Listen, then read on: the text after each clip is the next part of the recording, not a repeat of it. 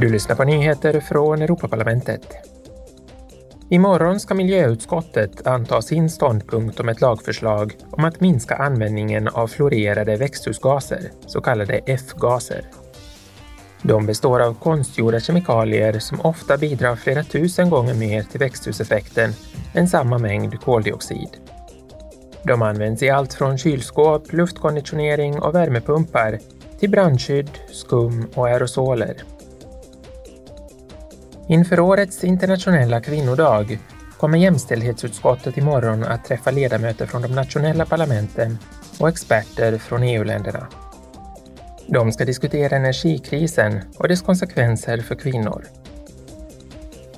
Under sitt möte med kulturutskottet imorgon ska också utredningsavdelningen för struktur och sammanhållningspolitik hålla en workshop om sociala mediers påverkan på barns och ungas utveckling. Under workshopen ska experter diskutera hur barn använder internet, deras säkerhet på nätet och hur de mår i sina familjer och i skolan. Du har lyssnat på nyheter från Europaparlamentet.